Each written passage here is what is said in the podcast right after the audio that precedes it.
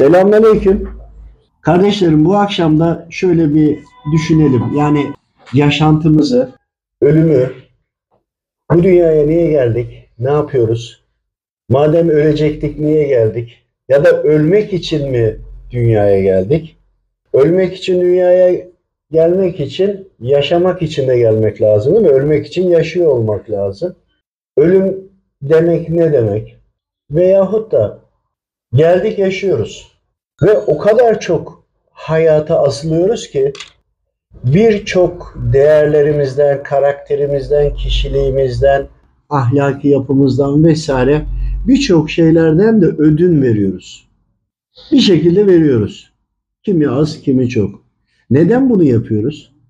Madem bunu yapıyoruz da bunun yaptığımızın karşılığında ne alıyoruz? Yani hayatı bir sorguladık mı? Şöyle düşünün. Diyelim ki kaç yaşındasın kardeşim? 26 abi. 26. Velev ki 76'ya kadar gideceğini bilmiyor, bilmiş olsan. 50 tane senen var, 50 tane yazın var, 50 tane kışın, 50 ilkbaharın, 50 sonbaharın. Topu topu 50 tane. Ne kadarlık bir hayal kurardın? Nelere sahip olmak isterdin bu 50 sene içerisinde o imkanlardan faydalanmak için? Sadece düşün. 50 sene faydalanacaksın ya. Bu 50 senede faydalanmak için bu 50 senenin kaç senesini o faydalanacağın konuya, aletlere, araca, eve vesaireye harcamak isterdin. Şimdi faydalandığın zaman kullanacaksın. Bir de onun konforunu sürmeniz lazım. 50 senenin kaç senesini verirdin? 50 senenin kısa bir zaman vermek lazım ki devamında konfor şey yapalım. Yap, devam edelim. Peki konfor ne? Hani kime göre neye göre diyorlar ya. Konforun limiti ne? Yani konfor çizgin kime göre ayarlı? Anne babana göre mi? Komşuna göre mi? Arkadaşına göre mi? Dedene göre mi? Peygamberine göre mi? Efendimiz Aleyhisselam. Niye göre konfor? İşte bakın yaşıyoruz ya yaşadığımızın anlamını biliyor muyuz? Neye yaşıyoruz? Hadi 50 senenin 20 senesini çalışmaya ayırdın ki kalan 30 senede çalıştığını tüketeceksin. Değil mi? 20 sene çalıştın. Ama kaldı 30 sene. Bu birikimini ne? Birikimi 76'ya göre kıyasladık ya 30 sene kullanacaksın. Ama 30 sene daha yaşayacağının garantisi var mı? Ya da 76 yaşına gelindiğinde öleceğinin garantisi var mı? Yok. 50 senenin 20 senesini çalışmaya ayırıyorsun ya 20 sene değil 20 dakika yaşayacağının garantisi var mı? Hadi tüm hesapların tuttu. 76'ya kadar yaşadın. 50 sene dedik ya. 20 sene çalıştın. Çalıştığını 30'a böldün. 30 seneye. Ona göre tüketiyorsun. Peki bu 30 senede vücudun ne isteyecek? Ne yapmak isteyeceksin? Şimdi 20 sene çalıştın ya. Kalan 30 senede birikim var. Hani hayatın daim et, devam ettirmek için. Bu aradaki 30 seneyi neyle değerlendirmek istiyorsun? Öyle değil mi? Yani birikim var. Para olduğunu düşünelim. Farz ettik var. Ne olacak? Harcayacağız. Tamam ne yapacaksın? Ya da ne için yapacaksın? Ne olacak? Kim size aferin diyecek? Dese de ne olacak? Bir düşünün koskoca hayatın hiç zerre kadar önemli var mı? Bir bardak, yarım bardak su kadar var mı? Kıssayı biliyordur. Çok susuz kalınca yarım bardak lavaboya tuvalete çıkamayınca geri atmak için de yani servetinin yarısını veriyor içmek için çıkarmak için de kalanını veriyor. Yani bir bardak su kadar kıymeti yok. İşte bütün bunların hepsi ne için? Gerçekten sorgulayın ya. Bu zamanı tüketiyoruz. Tükettiğimiz bu zamanın sonunu bilmiyoruz. Zamanı da yaratan, kainatı da yaratan Allahu Teala'ya ne kadar itimat edip güveniyoruz. Güveniyoruz, güveniyoruz mu? Allahu Teala'ya güvenseydik 50 sene kalanın 20 senesini çalışacağız diye ayırmazdık. Allahu Teala rızka kefil. Doğaçlama konuştuğumuz için hani üzerine alınma. 20 sene çalışmaya ayırıyoruz. Neden? Rızkı biz kendimize mi, kendi kendimize mi garanti ediyoruz? Ama bir de hakikat var. Çalışmadığında rızık da gelmiyor. Demek ki rızık da gayrete tabi. Yani evinde de yatmayacaksın. Değil mi yani? Demek ki insanın hani hayatımızın hiçbir değeri yok. Şu anda ölmüş olsam kabire götürene kadar yarın öğlene yetiştirirsin. Bilemedim ikindiye. Ondan sonra için Mustafa Kaya diye bir kimse yok. Anan olur, dua eden olur. Tamam. Ama hepimiz için böyle. Peki anılan kimseler kim? Ya büyük şerler yaptıysa şer üzeri anılıyordur. Ya da Allahu Teala sevdiyse sevdiğini sevdiklerine sevdiriyordur. Veliler gibi, evliyalar gibi, türbe ziyaretleri gibi. Onları ziyarete gidiyoruz. Bir şey istemeye değil. ha. İşte hayatın gerçek anlamı maddede mi? Yoksa gerçek anlamı sevgide mi? Bir düşünün. Şimdi içimizde söyleyeyim en yoksul olanın birden fazla evi vardır. Bir evi ona yetiyor, ikinci evini satsa belki diyelim ki 30 yaşında 70 yaşına kadar o para yeter. Ancak ihtiyaçlarını karşılayacak, faturalarını ödeyecek şekilde ama lüks bir jip almak isterse veyahut da tüketimi fazlaysa bak zarurete göre söylüyorum. Yeter. İstemenin de sınırı yok demek istiyorum. Bir limit yok. Zenginliğin bir limiti yok. Ne kadar alırsan o kadar daha fazlasını istiyorsun da onun sınırı yok ya. Bir de bunu bırakıp gideceğini bile bile ölmek için doğduğun öleceğini de bile bile yine devam ediyorsun. Hangi akla ziyan bir durum bu? Bir düşünün ya. Öleceksiniz, öleceğim. Bir de malı da götürdüğümde bir de Allahu Teala'ya bunun hesabını vereceğim. Rızkın tanımını yapmıştık bir sohbette değil mi? Yiyip içtiğimiz, giydiğimiz bunlar bizim rızkımız. Kullandığımız geri kalanının emanetçisiyiz.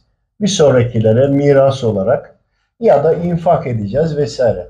O bizim rızkımız değil. Biz onun bekçisiyiz. Ama ve lakin nasıl miras mı bıraktık? Veyahut da nerede harcadık? Kötü yolda mı harcadık? Ne yaptığımızın hesabını da Allahu Teala'ya vereceğiz. Diğer taraftan tek başıma yediysem her gramının hesabını Allahu Teala'ya vereceğim. Ama eğer birkaç kişiyle misafir olarak her daim birlikte de tükettiysek onun da hesabını Allahu Teala sormayacak. Değil mi? Bütün bu her şeyi, daha bunu uzatabilirim. Bütün bu her şeyi neyle çözeceğiz? İlimle. Demek ki ilim daha üstün, daha üstte. Hizmet etmek için bile az hizmet ettin, çok hizmet ettin. İstersen kaldırımları süpür, elinde bir süpürge olsun. Hizmet ediyorsun. Kendini geçindirecek de bir evin var. 50 senelik de her aylık rızkın var. Garanti gibi düşün. Garanti eden Rabbim der her şeyi. Kendine görev edindin. Hizmet yolu da bulamadın. Bir ilminde yok, bilginde yok. Oradaki ağacın dallarını aladın, bağladın. Dedin ki ya ben hizmet edeceğim ama ömür billah hep kaldırıp süpüreceğim. Aldın başladın. Gidiyorsun her gün süpürüyorsun. Bunu niye yapıyorsun? Oradan insanlar geçsin diye, imanın yarısı temizlik diye, temiz olsun diye ücretini de Allahu Teala'dan umarak, ücret de değil. O noktaya geldiğinde rızasını umarak. Ücret verip vermediğine de bakmazsın. Bir çizgi vardır o çizgiyi geçince. Hani Allah rızası için yapar, kimisi sevap kazanmak için. Bu bile farklı şeyler. Allah rızası uman razı olmasını bekler. Sevap için yapan sadece sevap kazanır. Sevap kazanır ama o sevaplarla rızayı alabilir mi? Bunu nereden anlayacağız? Bunu da ilimden anlayacağız yine. İlim, ilim, ilim, ilim. İstediklerimizi sevap kazanmak için bile yaptığımız Allahu Teala'nın rızasını alamayabilir. Hiçbir garantisi yok.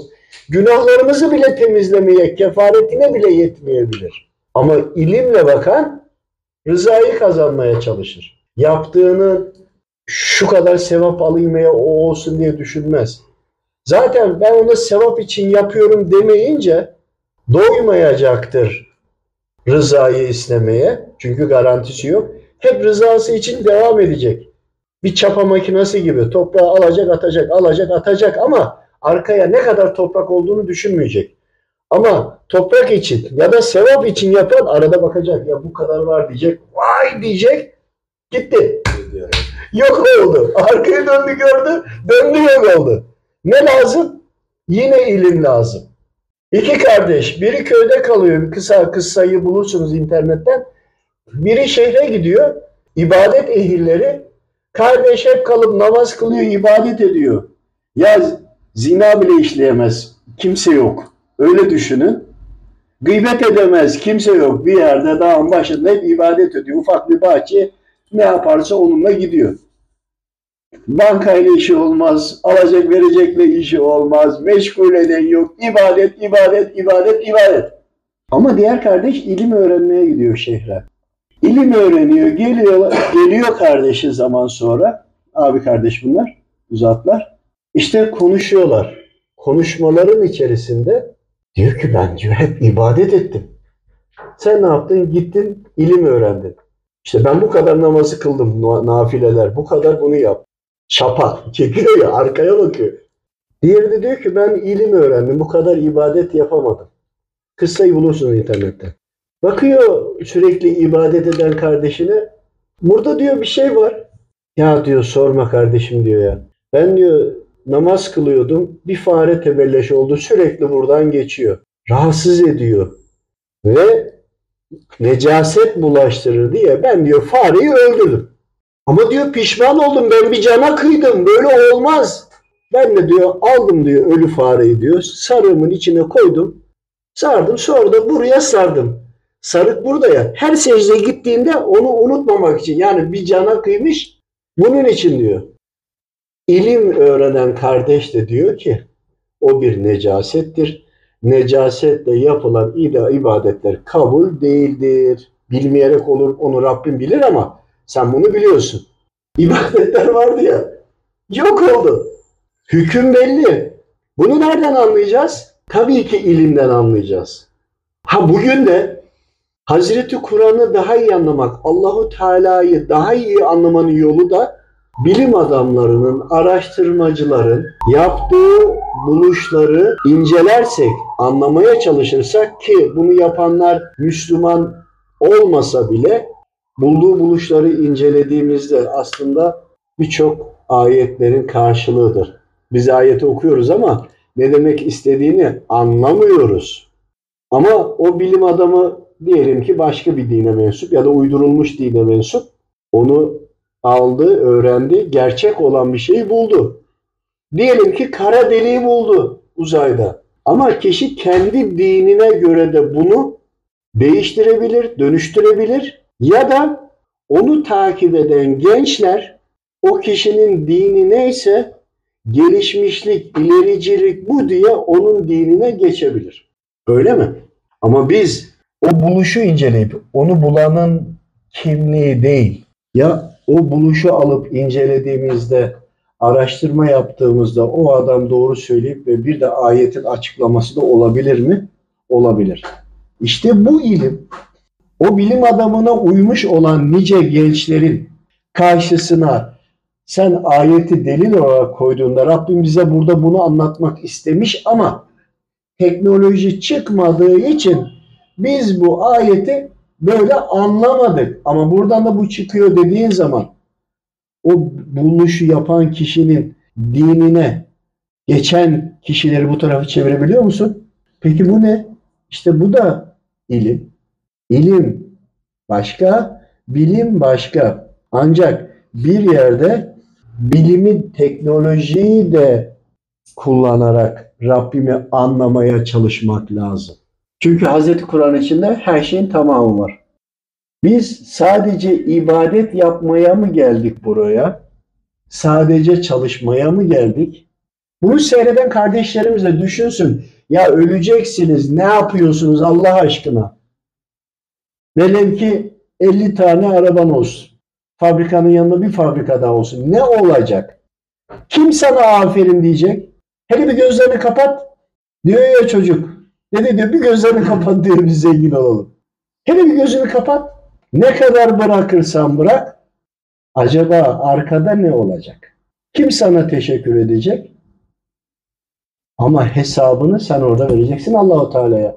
İnansan da yok saysan da çünkü dünyalığa kapıldığında insanlar, kullar yapması gerekeni biliyor. Atalet gibi yapması gerekeni biliyor. Yapmadığı için içinde kızgınlık kendine sıkıntısı var. Buna rağmen yine yapmıyor. Yapamadığı için canı sıkılıyor. Sonunda çözümü yok saymakla buluyor. Var olduğunu biliyor. Yapamıyor ya. Deve kuşu gibi hani kafayı toprağa soktu mu ben onu görmüyorum diye zannediyor ki o da kendini görmeyecek. Öyle mi? Peki sen kafayı toprağa gömdüğünde o hesabını vermen gereken bu mallarla ilgili melekler seni görmeyecek mi sanıyorsun? Allahu Teala onları onun için görevlendirdi. Seni alıp hizaya çekmeyecekler mi zannediyorsun? Nereye kaçabileceksin? Bunu bilmesine rağmen insanların tüm yaşantısı birçokları bir hiç uğruna gidiyor. Gerçekten bir hiçlik. Ya boşuna o hiçlik makamı değil. Gerçekten zayi ediyoruz. Ömrü ziyan ediyoruz. Kendimizi mahvediyoruz.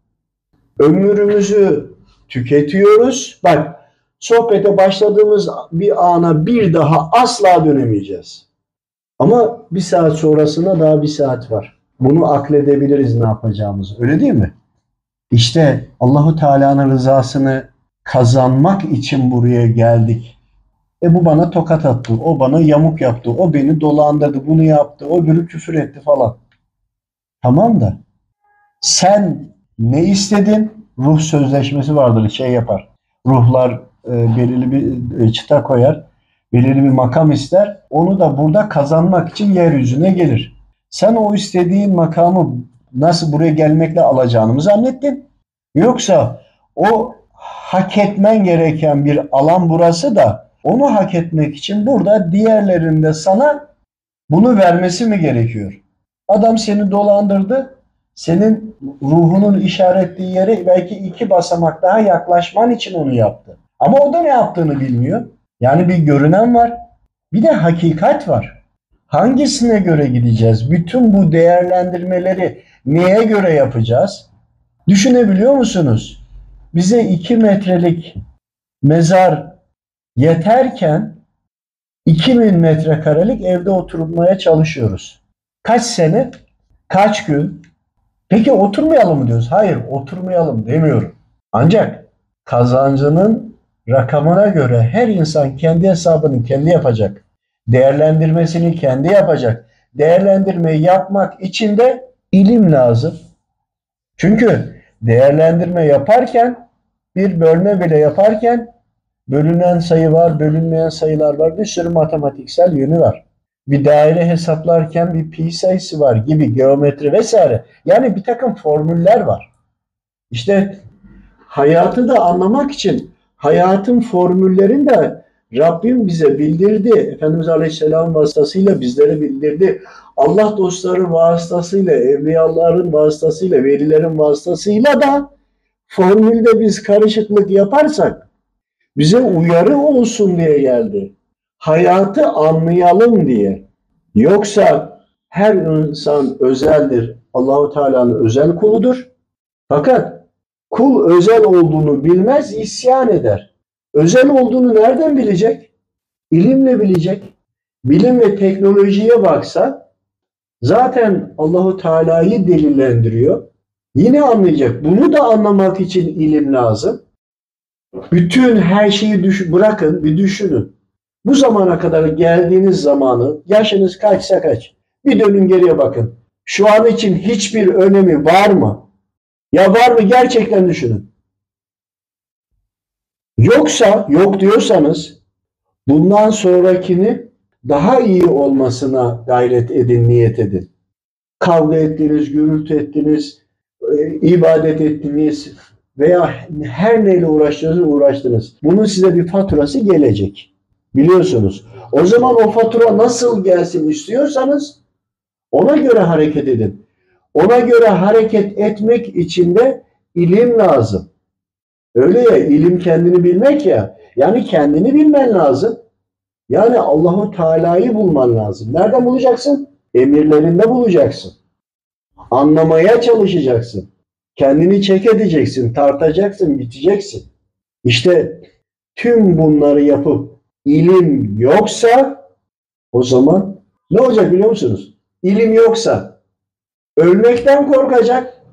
Çünkü hayatını Allahu Teala'ya anlamaya, Allahu Teala'yı anlamaya çalışmadı ya da Allahu Teala'yı anlamaya çalıştı ancak kendi kapasitesi yüksek. Herkes kendini biliyor. Ha? Kimse kimseyle ölçemez, tartamaz.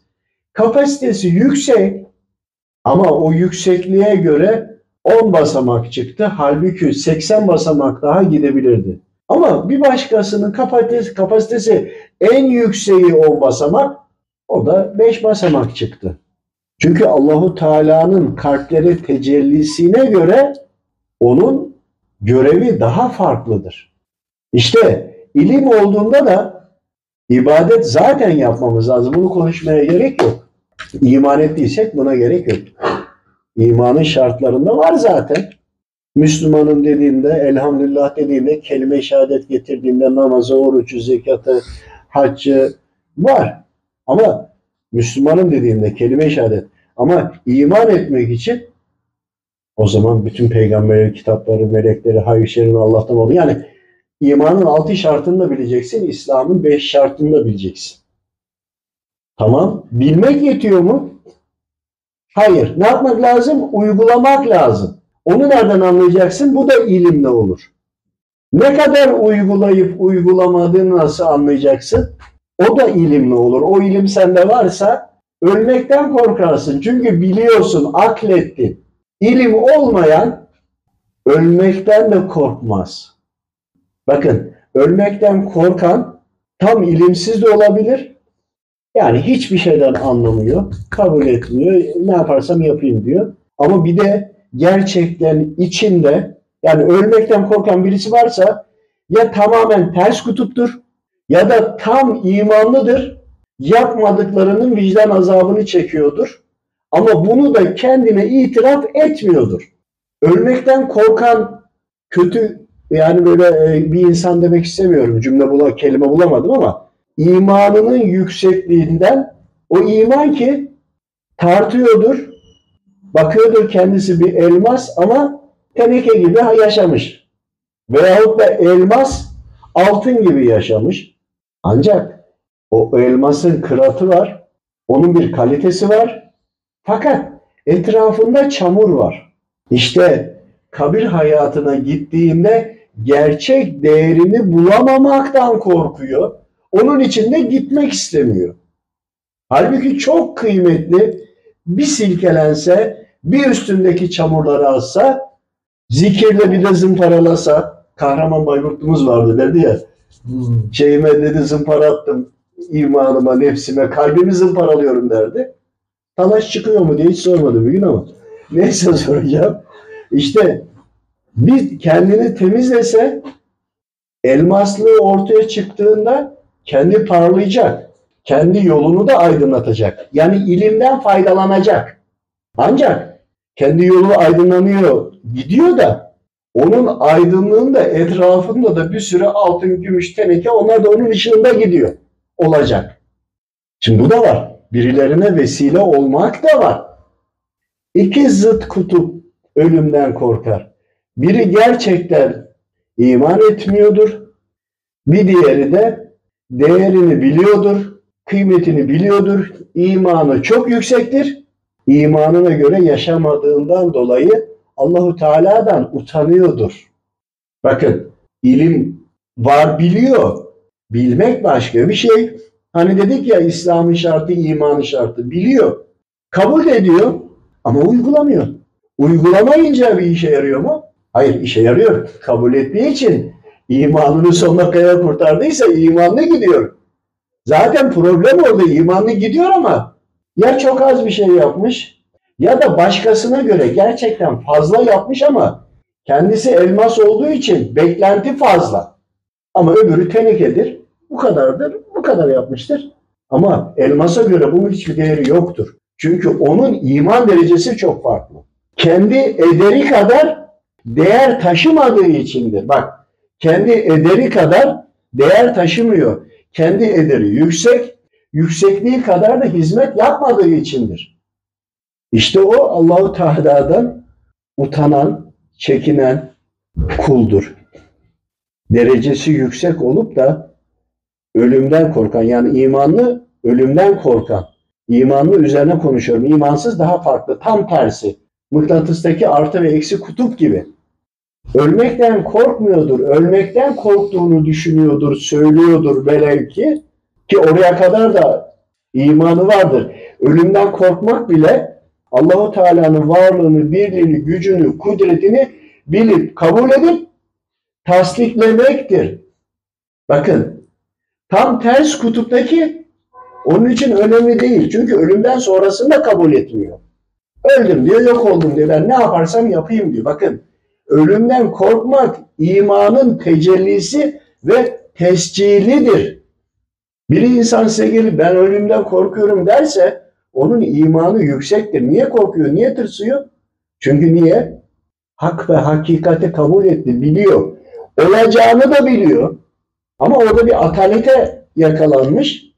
Değeri kadar, ederi kadar değeri yok. Yani ona göre gayret etmediği için. Ölümden korkan bir insan Allahu Teala'ya teslim olmuş. Onların hakikat olduğunu biliyor. Kabir hayatının, ibadetlerin sorulacağını biliyor. Her şeyi biliyor, kabul etmiştir. İşte bizler en başta hayatta ne yapıyoruz dedik ya. Tam da bu insana ne lazım? Yaş kaç olursa olsun, isterse 15 yaşında olsun, ister 30'da önemli değil. Çünkü tövbe kapısı açık. Tövbe kapısı kapalı olan diyen var mı? Birisi bir şey söyledi de dedim ki kardeş tövbe kapısını sen kapattın mı ki? diye sordu. Yok dedi. Dedim tövbe kapısı sen kapatmadıysan çünkü öyle bir konuştu ki işte bunu yaptın kurtulamazsın, bunu yaptın, bunu yaptın. Dedim ulan sen mi kapattın tövbe kapısını? Yok. O zaman açık. O zaman dedim niye konuşuyorsun? Derdin ne? Niye Allahu Teala'nın adına konuşuyorsun? Allahu Teala ölümün son noktasına kadar, an öncesine kadar tövbe kapısını açık bırakmış. Niye kapatıyorsun kapıyı ya? Bırak açık kalsın. İşte bakış açısı, ilim. İşte o imanlı kullar atalete yakalansa bile yapması gerekeni bilip de yapmadığı için vicdan azabı çektiğinde ölümden korkuyorum derken Rabbimle yüzmüleşmekten utanıyorum diyor. Utanıyorum diyor. O benim Rabbim diyor. Ben ona gerekli değeri burada veremedim diyor. Bak bunun içinde ilim lazım. Yani cahilliğin ya da inkarın nedenini anlıyor muyuz bir başka mesaj burada? İlimsizlik insanı cahil ediyor ya da inkar ettiriyor. Ancak ilmi olan, ilim bilimden değil ha bak, bilim oldu, şöyle mühendis oldu, bu, bu oldu falan. Bu insan cahil de, değil diyorsa sen teraziyi bir kontrol et. Aynı şeyi ölçmüyoruz. Başka bir şey ölçüyor senin terazi. Dünyevi bilgileri öğrenmiş kişi hakkında konuşmuyoruz. O kişi yine cahil. İlim derken ilmi de yaratanın sahibini tanımak, ondan bahsediyoruz. Dünya bir şeyler öğrenmiş, milyarlarca insan var. O olmazsa başka söyle. İlla ki bilen var. Ama Rabbini bilen çok kıymetli. İşte Rabbini bilen hesap vermeye gideceğinden çekindiği için, utandığı için ölümden korkuyorum der. O oradaki nice söyleyemediklerini söylediği bir gerçektir. İmanının tescilidir. Onun itikatında ki problem ya da itikadındaki problemsizliktir. İkisi de var. Açmaya istemedim şimdi. İşte ölümden korkan insana güvenebilirsiniz. Durup durup bir de bunu tekrarlıyorsa ya adam ölümü hatırlıyor hiç durmadan ya daha ne istiyorsun? Bu insan ne kadar yanlış yapabilir? He, farzlarını yaptı, yapamadı. Tamam. Ama Allah korkusu var. Daha da önemlisi Allahu Teala'nın sevgisi var. Allah korkusu var. Dedim üstüne sevgisidir. Niye? Allah korkusu olan sürekli ibadetini de yapar. Ama sevgisi Allahu Teala'nın korkusundan üste çıktığı için naz makamından gidiyordur. Yine de güveniyordur ya. Ama ikide bir diyordur ya hani bir tanıdığın görecek ben işte annemin yanına gidemiyorum, babamın yanına giderim, utanıyorum. Ya bayram da geliyor, bayramda mutlaka gitmem lazım gibi bu kullar arasında. Kulla yaratıcı Allahu Teala arasına baktığında işte oradaki ölüm ki ölmek için dirilmek lazım. Ölmek için doğduk belki de. Değil mi? Mantıken öyle değil mi? Ölmek için doğmadınız mı? Ölmek için yaşamıyor musunuz? Ölene kadar yaşayın o zaman. İşte ölüm aslında her derdinde ilacı. Ölüm çok büyük bir rızık, çok büyük bir nimet. Hani iman, imandan sonra gelen en büyük rızık ölümdür. Çok iyi anlamak lazım. Ancak öldüm demekle ölmüş olsaydık. Ölüm yok ki. Zaten ölümden korkuyorum ya da ölmek ölüm aklıma gelince böyle kendisini kaybeden insanlar aslında ölümün olmadığını bilen insanlar. Bir de buradan bakın. Öldüğünde ölmüş olsa umurunda değil dert etmeyecek. Ölünce ölmediğini bilen insan ölümden korkuyor. Ya ölümden değil. Hesap verecek, hesaptan da değil. Sevdiğine nasıl ben seni dinlemedim, uymadım diyecek. Sevdiğine karşı gelmişliğini kendine yakıştıramadığı için sorgu gününe, hesap gününe, vuslata, bir araya gelmeye çekiniyor. Ben diyor sevdiğime ne diyeceğim? Seni dinlemedim, sana itaat etmedim. Nasıl desin? Ne desin ey sevdiğim? Senin dediğin de olsun, benim dediğim de olsun. Sen öyle dedin ama ben böyle yaptım mı diyecek diyebilir mi? Ama sevdiysen hep onun dediğinin olması lazım. Sevginin göstergesi ne ki? Sevginin göstergesinin başka bir izahatını bilen var mı? Sevdiğine değer veriyorsan her söylediğine gayret edersin. Zaten Rabbimizi anlamaya çalıştığımızda yaptığımız ibadetler hepsi tam mı? Garantisi var mı? Abdest alıyoruz. Hangimizin abdesti tam hakkıyla tamdır? İşte sen sevdiğin zaman sevdiğinin tam olduğunu biliyorsun. Geri kalan her şeyin eksik olduğunu biliyorsun. O zaman hiçbir şeyi tam yapmaya çalışma. Ama gayret et. En iyi şekilde yapmaya gayret etmek başka. Hayır, onu hakkıyla yapacağım. Dörtlülük yapacağım. Yapacağım diyor bir de. Hiçbir eksiği de yok demek başka bir yere götürür insanı. Ama sevdiğini söylediği için ya sevdiğin seni Cem eşin arası hemen koşa koşa eve gidiyorsun. Bu gece izin kağıdı imzalattın mı? İmzalatmadın değil mi? Bir resim çekinelim de çek gönder. en azından gönder ki nerede olduğunu bilsin eve gidince memnun kalsın. Ara sıra yapıyoruz değil mi bunu? Tabii ki. Niye yapıyoruz? Çünkü seviyorsun, değer veriyorsun. Sen seven bir adamsın. Sevdiğin için sevdiğini yapıyorsun. Bir de sevdiğin yaratıcı olunca ne yapman lazım? Hep onun dediği olması lazım. Ancak yapamadığın zaman da ey sevdiğim gayret ediyorum. Tam olan sensin. Tamamlayan da sensin diye alttan naz makamından ama naz makamına gitmek için de gayret ediyorsun. İşte böyle olunca bakıyorsun ki tam olan sadece Allahu Teala'dır. Geri kalan her şey eksiktir. Ama bizim gayret etmemiz lazım. Niyet ettik yaptık hatamız var. Ama bilmiyoruz. Bilerek de hata yapmıyoruz.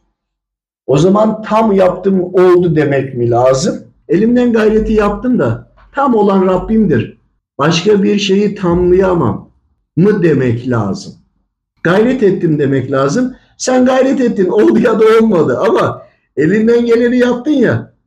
Dua ettin Rabbim ben elimden geleni yaptım dediğin zaman işte o naz makamı yani merhamet kapısı da diyebiliriz. Merhamet bu başka bir şey ama birleştirin ya ne olacak? Yani sizin sevdiğiniz değil mi? Sevmese sizi yaratır mı? Size sıkıntı vermek için buraya göndermedi ki. Ey sevdiğim kulum böyle böyle yaparsan ben de senin her istediğini yaparım. Ama sen bunları yapmazsan, bunu yaparsan itaat ettiğin kadar da hak etmiş olursun. Onu da sana veririm mi dedi acaba? Yani bunu ilimle düşün. Ya Allah'ımız bizi yaratan, Allah'ımız ya bizim yaratıcımız, tek olan, bir olan, mutlak güç olan. Emretti, biz gayret ediyoruz, yap, yap, yapmaya çalışıyoruz. İşte ona buluşma halini nerede düşünüyoruz? Öldüğümüz zaman. Ama onu düşünen insan da işte öldüğü zaman da ölmediğini bildiği için. Ölmüş olsa önemli değil. Ölüm aslında sanal yaşamdan gerçek yaşama geçiş. Evet. İşte onu düşünen kişi sanal abi Allah razı olsun.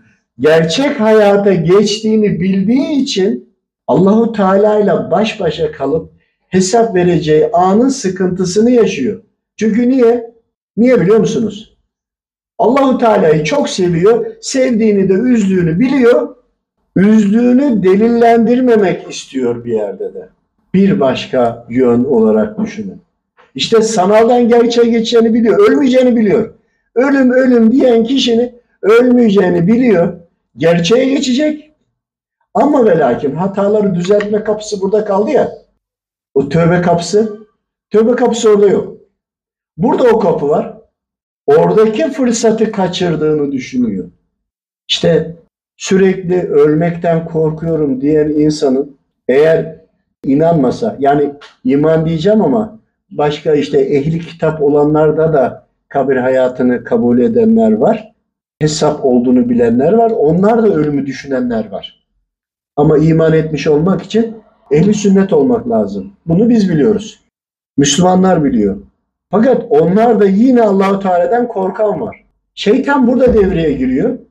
Diyor ki bu kadar korkuyorsun. Rahat ol. Relax ol diyor. Yok de diyor. Yok olsun diyor. O da yok diyor. İşine öyle geliyor. O vicdanındaki azap, sıkıntı, darlama var ya alıyor bir kenara rafa koyuyor. Gitmiyor da istediğini yapıyor. Ama eninde sonunda o geliyor yerine geri oturuyor. Rafa geri koyuyoruz. Kalbin içindeki kutucukların birine giriyor. İşte ölüm yok demek başka bir şey. Ölmekten korkuyorum diyen insanlar kıymetli insanlar. Ölmekten korkuyorum diyen insanın da ne olduğunu anlamak için ilim lazım. Bunu da anlatmak için ilmi siyaset lazım. Ya da gel resim çekinelim gönder. Allah razı olsun. Ölümle ilgili yine devam etmek istiyorum ama diğer konularda gireceğiz Allah nasip ederse. Allah razı olsun. Hakkınızı helal edin, bizden de helal olsun.